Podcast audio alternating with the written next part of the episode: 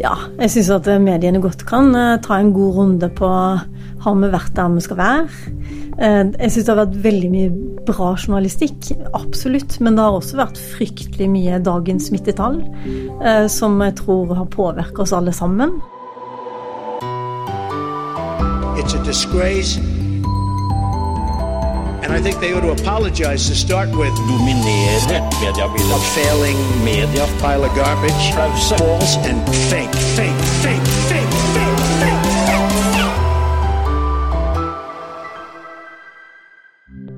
Hun er kjent som en hardtslående programleder i Politisk kvarter og tidvis i Dagsnytt 18, men hun er også forfatter og er nå aktuell med den mye omtalte koronaboken om FHI-direktør Camilla Stoltenberg. Velkommen til Pressepodden, Lilla Sørhusvik.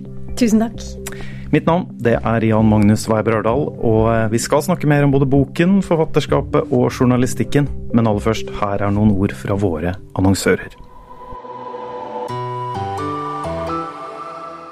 Sikre deg tilgang på det beste innholdet fra mediebransjen. Bli plusskunde i Medie24.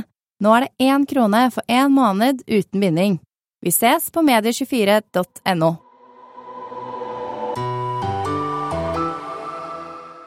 Lilla Sølesvik, tidligere i høst så slapp du boken om Camilla Stoltenberg, 'Året som aldri tok slutt', som handler jo om koronaåret som mange føler fortsatt ikke har tatt slutt. Eh, for så vidt. Eh, aller først, hvorfor ville du skrive denne boken?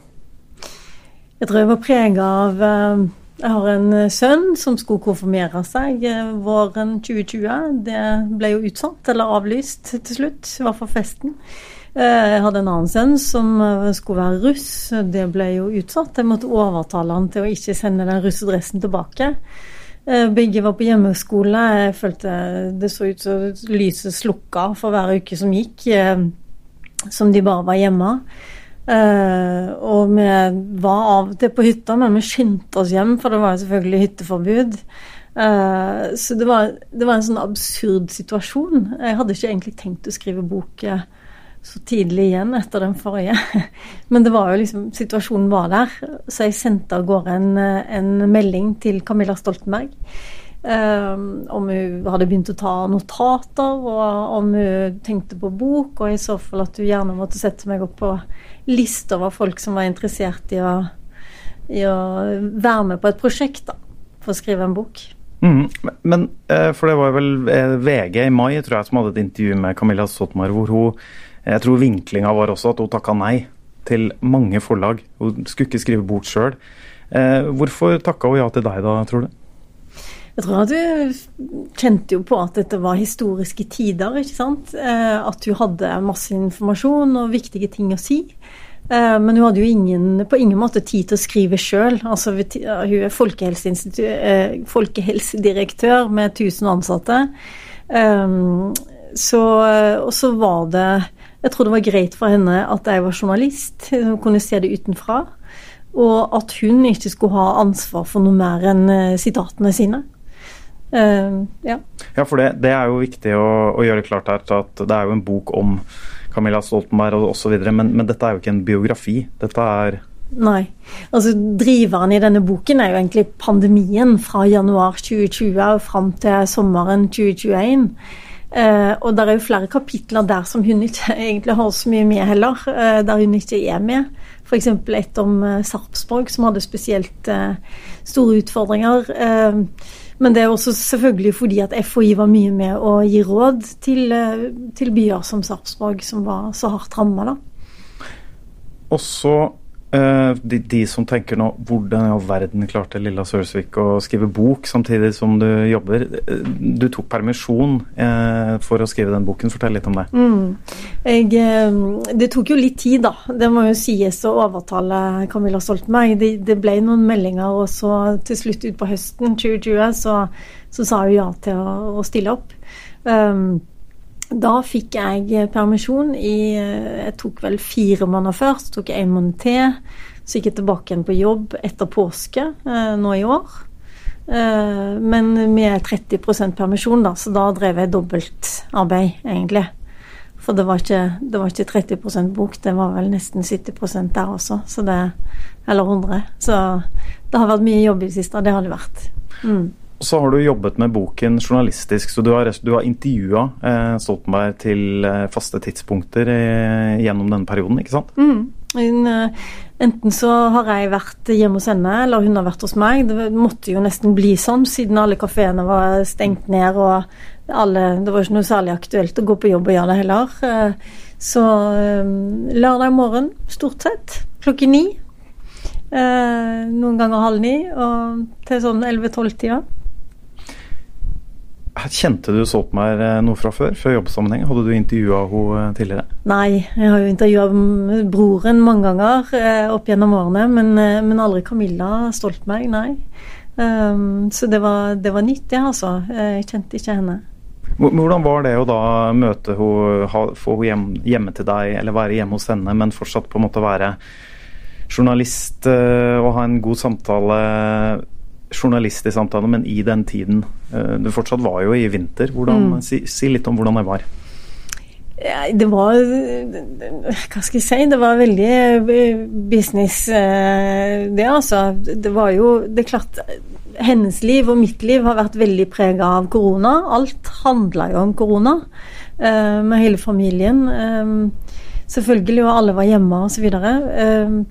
Men eh, problemet var mer at det skjedde så himla mye hele tida. Så hver lørdag morgen så kom hun inn døra, syklende selvfølgelig, og av med sykkelutstyret, og sa nå, nå er det travelt. Den, nå er det så travelt som det aldri har vært før. Og dette begynte på en måte i slutten av oktober, og jeg vil nesten si at det har fortsatt fram til den boka kom ut. Der, altså. Jeg syns jeg leste et intervju i forbindelse med boklanseringa da nå tidligere i høst om at hun fortsatt har sånn 12-13 timers dager, så det jo, mm. høres jo heftig ut. Eh, um, men jeg bare lurte på en ting. Eh, nå, som du sa, du har jo egentlig ikke intervjua henne noe eh, tidligere. Men hvis du da eh, Som sagt, du er jo mest, mest, i Politisk kvarter, men du har jo vært litt i Dagsnytt 18. Hvordan vil det bli nå da i en fremtidig Dagsnytt 18 som du stepper inn i, å møte Camilla Stoltenberg? Hvilke vurderinger har du og NRK gjort rundt det? Er det helt uproblematisk? Altså, jeg diskuterte det, jeg diskuterte det med sjefen min i forkant. Både egentlig dette med å intervjue henne, hvilket forhold jeg skulle ha til henne, men også i forhold til lansering, da. Hva vi skulle gjøre med det. For det blir alltid diskusjoner om dette her. Uh, og mitt forhold til uh, Camilla Stoltenberg er jo selvfølgelig Du er litt tettere fordi at du har møtt henne såpass mye. Men uh, fortsatt så er jeg journalist, og hun er hovedkilden. Uh, sånn at i prinsippet så er det ikke noe i veien for at jeg skal kunne intervjue henne. Men det er klart altså akkurat nå Det er ikke noe karantene eller noe sånt? Nei, det er ikke noe karantene. Men jeg, jeg, kommer nok ikke til å intervjue Camilla Stoltenberg i altså Nå har jeg aldri gjort det heller, verken i Politisk kvarter eller i, i uh, Dagsnytt 18. Mm. Sånn at eh, det er jo ikke noe problem. Jeg trenger jo ikke intervjue henne. Jeg kan intervjue alle de andre på FHI hvis det er nødvendig. Mm. Uh, så Så hvis Dagsnytt 18 på et eller annet tidspunkt skulle hatt en uh, ja, koronaspesial har det vært mye av det siste året, da, men hvis vi skulle hatt noe seinere, og det står mellom deg og en annen en som skal steppe inn fordi de faste programlederne ikke kan, så kanskje de heller tar den andre, da? Eller? Nei, vet du hva, det ble jo litt sånn rart. Nå har jeg jobba som journalist i snart et år med korona. Det blir jo rart hvis jeg ikke skal dekke mm. korona framover. Men det er klart, det er også litt sånn rart hvis jeg skal Eh, hvis Camilla Stoltenberg er hovedkilden, og så står vi frampå Altså er vi ute med denne boken akkurat nå. Så eh, jeg kommer sikkert til å være tilbakeholden nå i høst, men, eh, men jeg ser ikke noen prinsipielle grunner til at jeg ikke skal intervjue henne igjen. Altså, det gjør jeg ikke. Helt uh, lurte litt på dette med um, boktittelen, altså 'Året som aldri tok slutt'. Men, men pandemien er jo ikke over. Eh, eh, det er ikke litt tidlig å skrive en eh, oppsummerende på en måte koronabok når pandemien fortsatt preger oss? Altså, Tittelen skulle jo egentlig være koronaåret. For det, min idé var jo at det skulle fases ut omtrent når vaksinene kom. på nyåret 2021. Men da virkelig tok det jo av med den tredje bølgen. Eh, og alle problemstillingene rundt vaksinasjoner og sånne ting. Så da var det jo helt umulig å stoppe. Og så kan du si eh, historien går fram til juni, eh, som egentlig ender opp der eh, Camilla Stoltenberg og venner drar for på den aller første turen til Bergen utenbys. Um, det er klart Hvis jeg hadde visst at eh, jeg skulle være i Stavanger på gjenåpning med fest i gatene og fyrverkeri og alt det der, så hadde jeg sikkert venta et halvt år til. Men eh, sånn de problemstillingene jeg har tatt opp, eh, som går på f.eks. uenighet mellom Helsedirektoratet og Folkehelseinstituttet på barn og unge, det har jo bare fortsatt nå i høst. Akkurat, egentlig akkurat samme historien når du ser Camilla Stoltenberg er ute og sier at eh, det er 0,4% av barna som eh, blir lagt inn på sykehus, eh, eller som blir alvorlig syke. Sånn er det. Og de er én til to dager på sykehus, og så kommer fem dager etterpå Bjørn Gullvåg og sier at vi må vente tusener av barn på sykehus. Så det er helt åpenbart, og de forholder seg ikke til de samme kildene. Vi skal, vi skal komme litt tilbake til den, um, disse uenighetene mellom de ulike etatene. ja, men, men, det andre poenget da er så, også sånn Jeg skriver nok at vaksinasjonsprogrammet har vært en suksess, eh, og det har det jo fortsatt vært. Mm. Mm. Mm. Men du, vil, eh, det bare, det litt, du, sa du ville egentlig ha en annen tittel. Ble, du, ble du et lite offer for eh, Et offer for uh, litt uh, tabloid titteldesking fra forlagets side der, eller? Nei, på ingen måte. Altså, koronaåret var min tittel. Mm. Og så Ja ja, forresten, det var mannen min. Han har jobba i Dagbladet en gang. så han kom opp med det. det der året som aldri tok slutt. Men, mm. men, det har jo ikke tatt slutt ennå. Så, sånn sett så gjelder det jo fortsatt. Sikre deg tilgang på det beste innholdet fra mediebransjen. Bli plusskunde i Medie24. Nå er det én krone for én måned uten binding. Vi ses på medie24.no. Vi skal um, snakke litt mer om boka, selvfølgelig. Eh, eh, og jeg leste en, del anmeldelser eh, som har kommet nå de siste par ukene. I, i Dagbladet så trekkes det veldig positivt fram at det er helt åpenbart at du kjenner til eh, Eh, koronapandemien godt. Du har fulgt det tett. Uh, siterer her, Det er knapt en sak forfatteren ikke er innom. Og Det blir også nevnt at du har liksom stor detaljrikdom, imponerende oversikt. Du dekka jo, og var jo tett på, som de fleste nyhetsjournalister eh, var selvfølgelig de første månedene. Si litt om hvordan det påvirka bokprosessen, og hvor lett det var for deg å, å jobbe med dette. Altså, det er jo hyggelig at Dagbladet skriver det, men jeg har ikke noe spesielt god peiling på korona. i forhold til, Det er utrolig mange flinke journalister på, på korona som har sånn detaljkunnskap om virusets genom og ulike vaksinasjonsvarianter som jeg ikke har peiling på, egentlig. Så jeg tror Jeg var nok litt sånn rysta i starten over at eh, når vi har prøvd oss på politiske diskusjoner, så var det litt sånn derre eh, Nesten sånn berøringsangst, både blant politikere og ikke minst for første gang i mitt liv. så eller så, så, vidt jeg kan huske, i hvert fall så fikk jeg tilbakemeldinger på Twitter at dette her må ikke du begynne å stille spørsmål ved nå, når vi er midt oppi en dugnad og osv. Det var vel om gjenåpning av skolene. Som forundra meg veldig, for aldri har vi jo vært utsatt for så inngripende tiltak som nå. Uh, altså at vi ikke skal dra på hytta, uh, stengningene, at vi ikke får gå i butikken, f.eks. Den følelsen der. Og at politikere sitter også og diskuterer ja, nå skal vi være ti hjemme, eller skal vi være fem hjemme? Skal vi være to hjemme? Og så følte jeg vel, veldig ofte at vi endte opp med sånn ja ja, da blir det ja vel, to hjemme. Da er det sånn det er. Var mediene litt for uh, snille? Altså Er det grunn til litt mediekritikk her, tenker du? Ja, jeg syns at mediene godt kan uh, ta en god runde på har vi vært der vi skal være? Eh, jeg syns det har vært veldig mye bra journalistikk, absolutt. Men det har også vært fryktelig mye dagens smittetall, eh, som jeg tror har påvirket oss alle sammen. Både til å opprettholde en redsel, og, kanskje som har ført til at vi ikke har stilt spørsmål ved er det forholdsmessig, alt som har vært gjennom nå. Uh, det er mye av dette som er gjennomført som det ikke er, f.eks. vitenskapelig belegg for. Så kan du si at ok, men det er samla eh, alle tiltakene til sammen som har ført, som har gitt effekt, og vi har kommet godt ut av det osv. Men ja, neste pandemi kan jo være en mildere virus, da. Hvor, hvor, mye motstand kommer det til å være i oss da til å stenge ned på den måten? Så jeg mm. syns eh, kanskje mediene har vært eh, til tider litt, eh, litt nære kildene. Mm. Rett og slett. Eh, litt sånn eh, veldig opptatt av å få ut eh, hvor utrolig forsiktig vi alle skal være, og så har vi kanskje ikke vært så kritiske. Det har vært noen få røster, Hans Petter Graver, eh, jurister, som har sett på på eh, Grunnloven, som har sett på de juridiske sidene på det, og egentlig ropt varsku, men jeg føler ikke det har hatt så mye resonans. da. Men har det Ser du altså, For du er jo selvfølgelig ikke den første som påpeker det, men, men, men jeg, jeg, føler vel ikke at det har vært den helt store debatten om det. Men har det blitt noe bedring, tenker du? Altså sånn det, mm, Alle har vel forståelse for at de første ukene var det jo veldig, for alle, i alle samfunnslag selvfølgelig, veldig, veldig uoversiktlig og vanskelig. Og, og det at pressen også eh, måtte jo også ta ett skritt av gangen. Men utover 2020 og ikke minst nå det siste halvåret, da. Vi har jo vært igjennom en nedstenging til i fjor høst, i vinter osv. Ser du ingen bedring, eller syns du fortsatt Nei, jeg syns, jeg syns, kanskje det har vært litt deprimerende. fordi det, det, det, har vært sånn at det har kommet nye virusvarianter. ikke sant?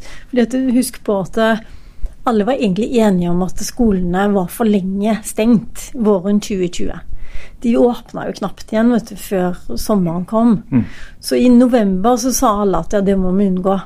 Og så var det en virusvariant, en ny virusvariant som kom. Og da var det igjen sånn Oi, vi må stenge skolene. Uh, og det der var jo også ganske smittsomt. Uh, og der kom jo den uenigheten da, for så vidt mellom FHI og Helsedirektoratet. Uh, og jeg vet jo ikke fasiten på den, men det er klart at det er den som blir intervjua morgen, middag og kveld i alle medier, har en definisjonsmakt. når når f.eks. Nakstad, som da var på den strenge linja, eh, går ut og sier at nå var han spesielt opptatt av smitte blant barn og unge, mens Folkehelseinstituttet, som var mer opptatt av tiltaksbyrden av at barn og unge eh, ikke, var, eh, ikke, var, på skolen, de var opptatt av noe annet, så ble det jo en slags maktkamp eh, mellom de. Eh, og, og man skal ikke lage så mye på konflikter og maktkamp i en krisesituasjon. Um, bare for å gjøre det, bare fordi det er gøy tabloid. Men det er klart at det er ekstremt viktig for meg, som skal vurdere om sønnen min skal på skole eller ikke, om det er den strenge som snakker, eller om det er den eh, som er opptatt av uh, hva skal jeg si, mer det totale bildet av tiltaksbyrden, da. Og det syns jeg kanskje vi kunne vært mer obs på, og at uh, vi kunne ha Hvis vi hadde visst litt mer om den debatten underveis, så kunne vi stilt mer kritiske spørsmål. Ja, for den debatten og den eh, uenigheten du er inne på der, eh, det ble jo den store nyheten da boka ble sluppet. da, Denne, denne uenigheten mellom FHI og, og, og Espen Nakstad i Helsedirektoratet. Eh, det fikk jo veldig mye oppmerksomhet. Ble jo vinklingene hos alle, mm. stort sett. Litt sånn underveis i prosessen, når skjønte du at dette var For jeg regner jo med også du skjønte at det ville bli kanskje vinklinga. Når skjønte du at dette ville bli den store nyheten fra, fra boka? Alle jeg har snakka med i FHI, har vært eh, Eh, veldig positive til Espen Nakstad sine eh, kommunikative egenskaper, i likhet med alle oss andre. Han har jo vært kjempeflink, og 95% av det han snakker om, har det jo vært helt enighet om. Eh, det er jo aldeles fascinerende også å se hvor flink han er til å fortelle oss om avstand og være hjemme når vi er syke fortsatt etter halvannet år, når alle egentlig er ganske lei. Så veldig mye positivt der. Men det er en interessekonflikt. altså Det er, der er en konflikt, uenighet, når det gjelder barn og unge særlig. Um, og det, det, er en faglig konflikt, der uh, han mener vel at uh, eh, FHI har vært for tilbakeholdne med å stenge ned. Uh, han mener jo at han ikke ønsker stengte skoler, derfor er det viktig å stenge ned tidlig. Og, vente, og gå inn tidlig før det blir for seint, og du må stenge ned enda mer. Mens FHI har vel meint at eh, hvis man da skulle høre på Espen Nakstad, så hadde skolene knapt vært åpne. Eh, og det er jo også litt sånn spesielt at de beskylder hverandre for å plukke forskningsresultater som støtter opp om deres syn. Det er jo en alvorlig beskyldning egentlig fra begge sider.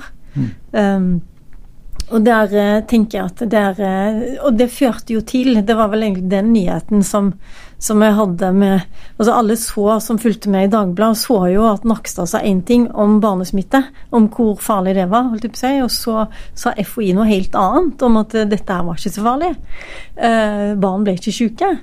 Um, og vel den nyheten som var, var mer at de hadde et oppvaskmøte og ble omtrent tvunget til å skrive sammen en, en kronikk, da. Mm.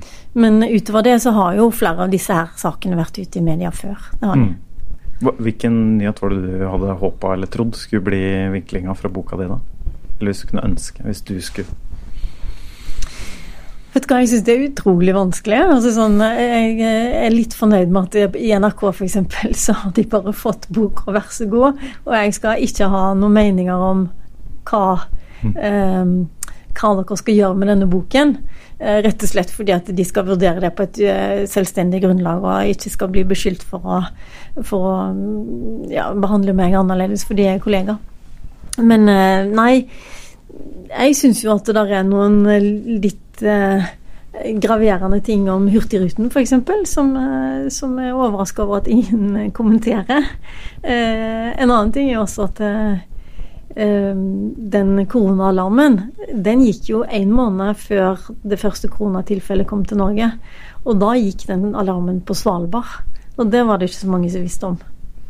Det så jeg også det var noen som påpekte ehm, Eh, at uh, Du starter vel boka med det, er det ikke mm, det? I, stemmer. Ja. Mm. Mm. En liten ting som jeg glemte å si i stad også med eh, altså Dagbladet Du har jo fått gode anmeldelser, det må jeg kunne si, jevnt over. Eh, VG hadde litt kritikk, da. De eh, mente at det var litt for lite uavhengig og kritisk journalistikk, og at det var få kilder. Eh, hva tenker du om det? Altså, dette er jo ikke en biografi om Camilla Stoltenberg, men den, var det bevisst at det skulle være veldig knagget på Camilla Stoltenberg og hennes fortelling? Jeg har snakka med 30-40 kilder. Jeg, vet ikke om de syns det er lite. Eh, mm. Jeg, jeg syns jeg har mange kilder. Hva I hvert fall mange kilder til å, til å, lage en slags portrett på eh, Camilla Stoltenberg. Mm. Og så tror jeg nok at uh, kanskje VG og Morgenbladet også var litt inne på det at jeg burde ha Altså Det virka på meg som om de, de forventa at jeg skulle gjøre det samme som jeg ville gjort i Politisk kvarter eller mm. i Dagsnytt 18, og nemlig ta Folkehelseinstituttet der, Helsedirektoratet der, eller øh, og, og, så la de snakke like mye. Men det er klart at når du velger å gå inn og lage et portrett, sånn som jeg har gjort i det lange koronaåret av Camilla Stoltenberg, så får du ikke brukt like mye tid med eh, Gullvåg eller Nakstad eller Bent Høie. Men jeg har snakka med alle de mm. også.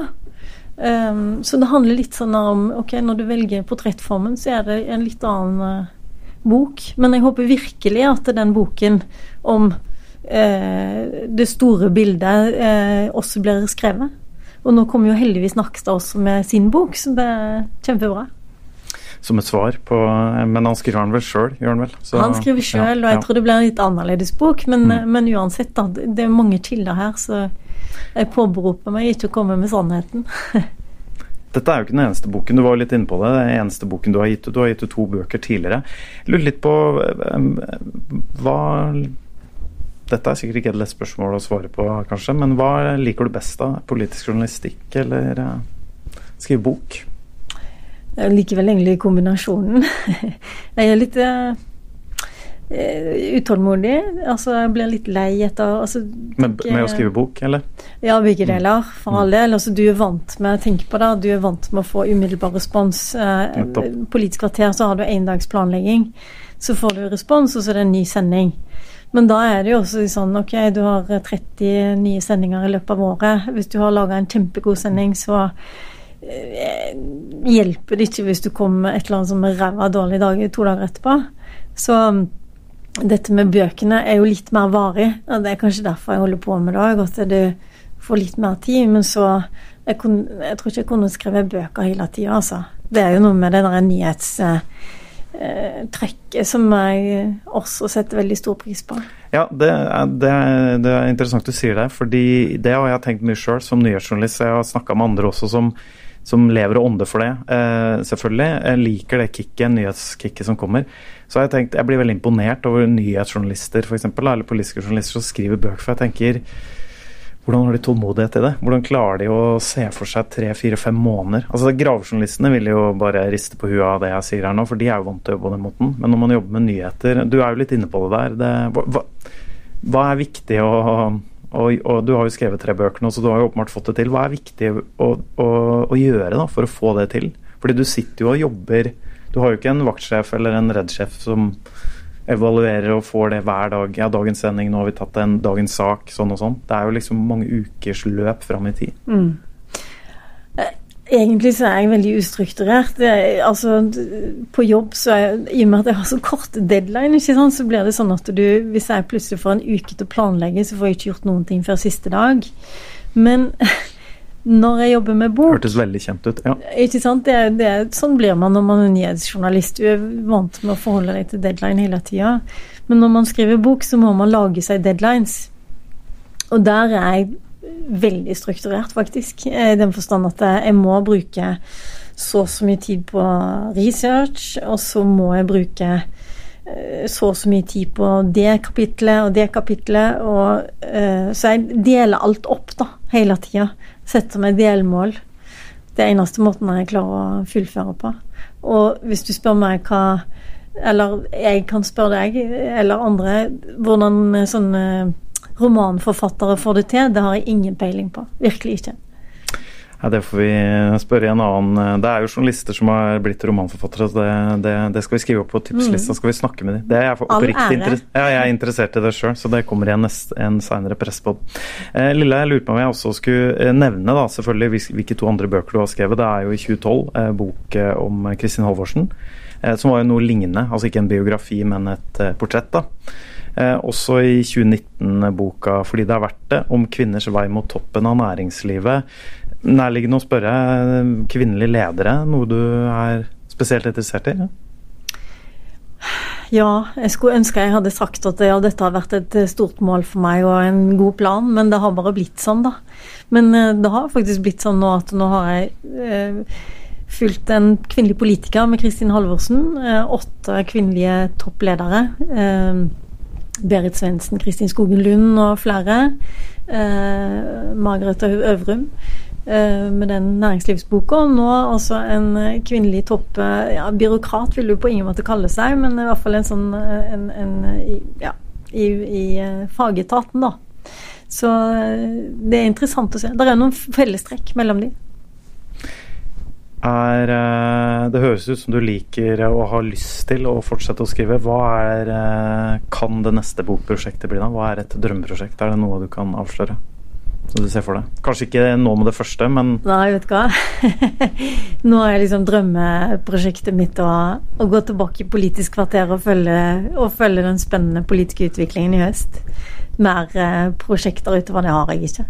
Må ta det litt så det kommer, tenker jeg. Men flere bøker? Det kan det bli? Det, det, kan det bli, men uh, venner sier vel egentlig at uh, Jeg pleier egentlig å si hver gang at nå, nå er det slutt. Og det, det, krever ganske mye, altså. Det gjør det. Men uh, det er veldig gøy når det kommer ut og det faktisk blir noe håndfast. Helt til slutt, Lilla, nå skal vi gå inn for landing her i, i Presspodden i dag. Men helt til slutt, Camilla Stoltenberg sjøl, hva, hva slags tilbakemelding har du fått fra henne på boka? Ja, hvilken eh, Jo, altså hun, hun um, Vi hadde jo boklansering forrige uke. jeg tror nok hun syns det er ålreit, det håper jeg virkelig. Hun syns nok det er litt rart at det skal være en hel bok om henne. Og så har hun også gjort veldig klart at det er en par av disse, når jeg kaller det oppvaskmøte, eller at hun ble kalt inn på teppet hos Bent Høie, hun ville ikke brukt de ordene. Men, eh, men, jeg tror nok at hun syns det er ålreit å få, få fram sin, sin, historie om hva som har skjedd, og ikke minst også Folkehelseinstituttet. Den enorme bredden i det de jobber med, da. Må bare spørre nå, kommer jeg på. Jeg klarer ikke å la være å spørre selvfølgelig som journalist. Hvor, hvor stor frihet hadde du underveis? Var det noe kilde... Nei, eh, sitatsjekk og sånn underveis med korrigering, eller hadde du helt carte blanche-frihet? Eh, altså, jeg Fra Camilla Stoltenbergs side, mener. Ja, ikke sant. Jeg har bestemt sjøl hva jeg har skrevet om. Hvilke kapitler jeg har valgt ut, og hvilke historier jeg tar ut. Og de tror jeg nok bærer litt preg av at jeg er politisk journalist, og kanskje ser etter litt sånn hvor er konfliktene, hvor har diskusjonene vært? Eh, mer enn kanskje en helsejournalist ville gjort, eller mer enn en featurejournalist som ville ha gått tettere inn på mennesket. Mm. Um, men det har ikke vært noe begrensninger på meg sånn sett, og, og Camilla har uh, for så vidt bare hatt uh, bestemt hva Altså le, har lest gjennom hele boken og kommet med mange innvendinger. Noen har jeg hørt på, noen har jeg ikke hørt på. Uh, bortsett fra det som gjelder hennes sitater.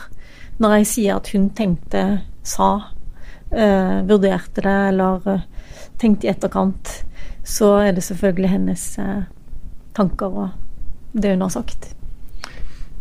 Det var nok det vi rakk i denne episoden av Pressepodden. Så får vi se da når den neste boka til Lilla Sølesvik kommer. Takk for at du stilte opp.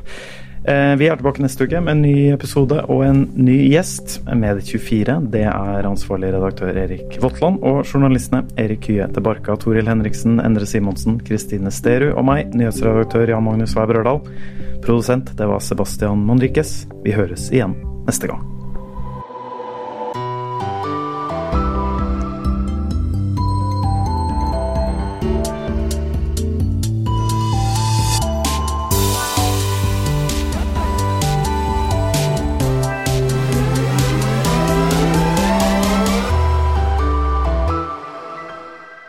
Sikre deg tilgang på det beste innholdet fra mediebransjen.